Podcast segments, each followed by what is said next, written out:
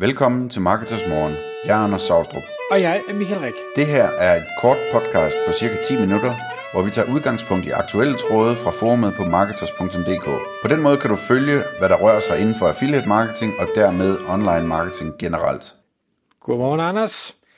I dag der skal vi tale om en tråd på Marketers-forumet, som handler om at gå fra en rå tekst til en artikel, der er klar til udgivelse.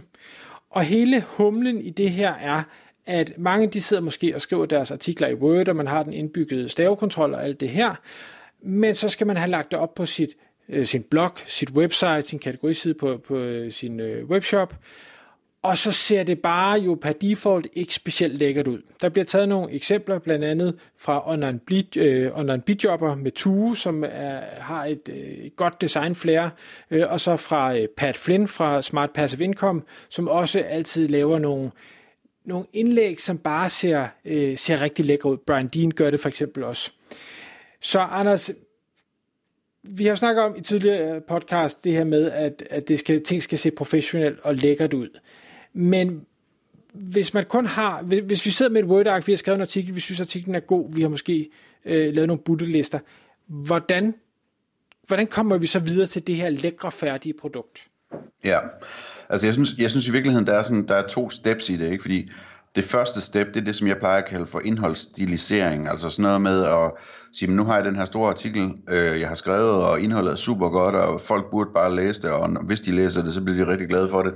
Men er det stiliseret nok? Altså har jeg, har jeg det hele ned til at, at, at få brugt ord, der er nemmere at forstå, og, og få brugt et aktivt sprog, og tale i du og jeg, og korte sætninger, og masser af afsnit, øh, bullet points, som du siger, øh, fed skrift eller skråskrift, og helst ikke begge slags i en artikel. Øh, hvad hedder det, lave infobokse, lave øh, underoverskrifter, øh, alle de her sådan forskellige ting, som, som man kan gøre i en almindelig artikel, uden sådan at skulle ud i decideret design, jamen det skal man have fat, øh, fat på allerførst.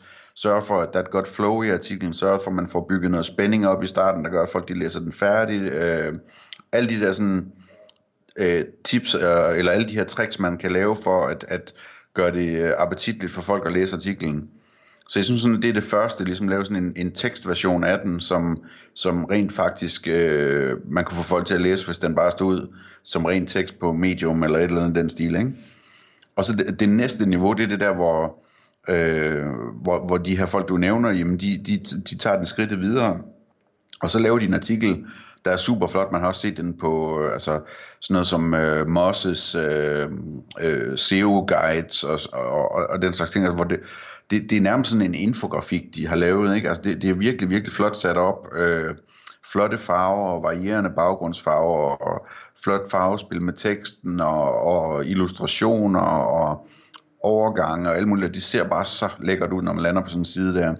Øhm, og det er, jo, det er jo meget det, som den her ting handler om. Jeg synes bare, det er vigtigt at understrege også, at det kan man gøre lige så meget, man vil, men hvis ikke man har sådan en styr på, at teksten skal være god, og at den grundlæggende set skal være fornuftigt stiliseret, så det er en fornøjelse at læse den også bare som tekst, jamen så, så er det... Øh, øh så er det ligesom spild at, at bruge tid på at få designet noget rigtig fedt omkring den.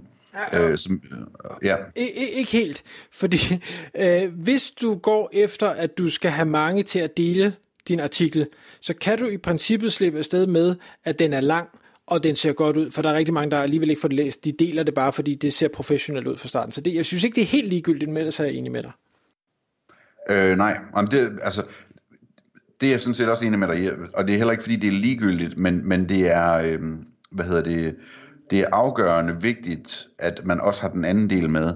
Øh, ikke at man ikke kan få nogle delinger og, og nogle, nogle likes og sådan noget, hvis man har skrevet en stor tør artikel.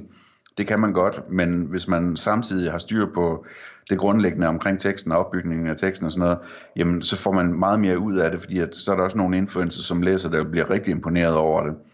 Øhm, og, og, og kommer til at huske det fremover og referere tilbage til det og alle de her ting her, ikke?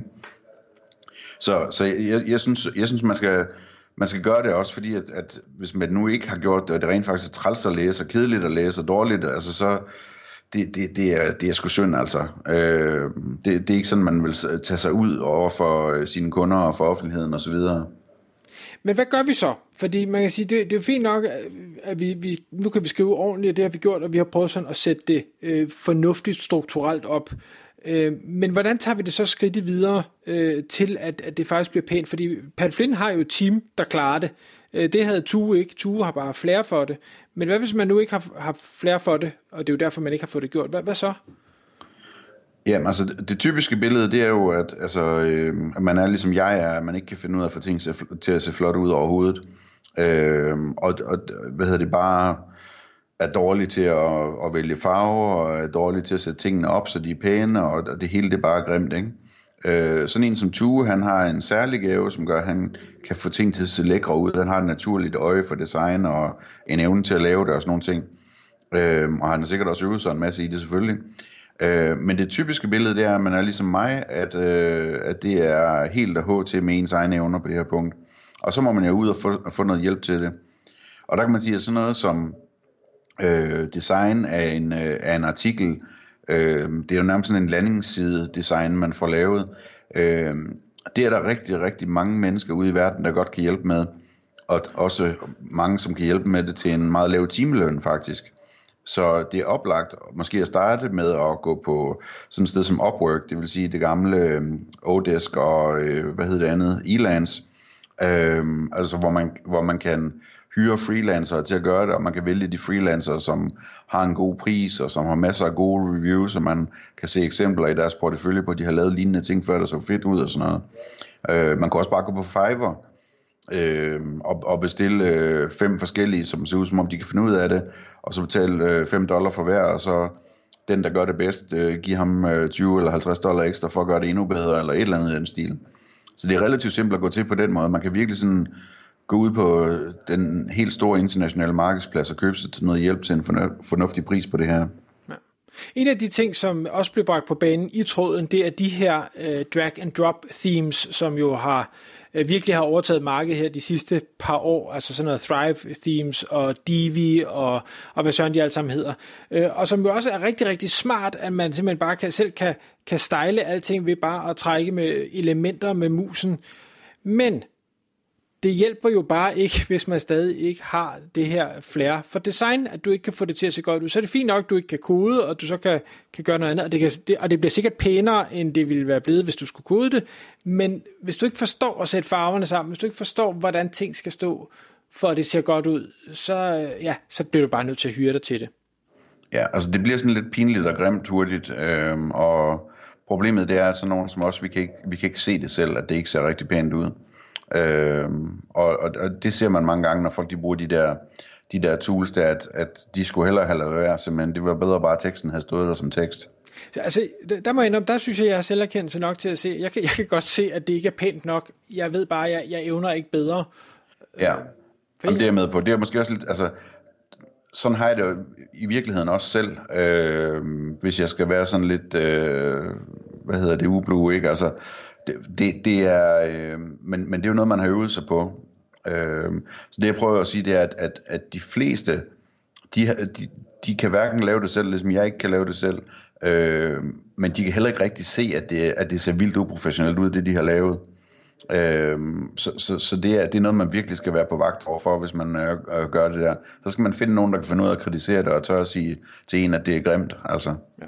Og en, ting i forhold til det her med at, at finde en outsource, man kan jo godt synes, det virker lidt omsonst, at man skal på oprykke, og man skal lave opgaver, man skal øh, evaluere folk, og man skal kigge på det følger, eller man skal prøve sig frem på Fiverr, hvis man er, er lidt ekstra nære. Øh, men når først man har fundet en, og det er jo det, som en Pat Flynn for eksempel også har gjort, så er det jo om at holde fast i den, fordi så har du pludselig en, en grafiker eller en designer, som har et, hvad skal vi sige, øh, en, en vis, øh, hvad, hvad, sådan, hvad sådan hedder sådan noget, altså en vis måde at gøre tingene på. Og så hvis du holder fast i den, så vil alle dine fremtidige indlæg bære det samme præg, Øh, ligesom at, Anders, vi har fået designet den her øh, Marketers maskot, den her, det her lille jordæren ting. Øh, jamen, der, dem har vi i alle mulige forskellige variationer, men det er lavet af den samme person, så vi er sikre på, at det altid er ens, den samme, øh, hvad hedder det sådan noget? Sådan den samme designlinje? Eller, ja, ja, Øhm, og det, det tror jeg er rigtig vigtigt, at man ikke springer fra, fra en designer til en anden designer til en tredje designer, og ens indlæg så bare ligner sådan, man tænker, hvad, hvad, hvad sker der her? Er jeg på det samme site, eller er jeg nu pludselig et helt nyt sted? Mm.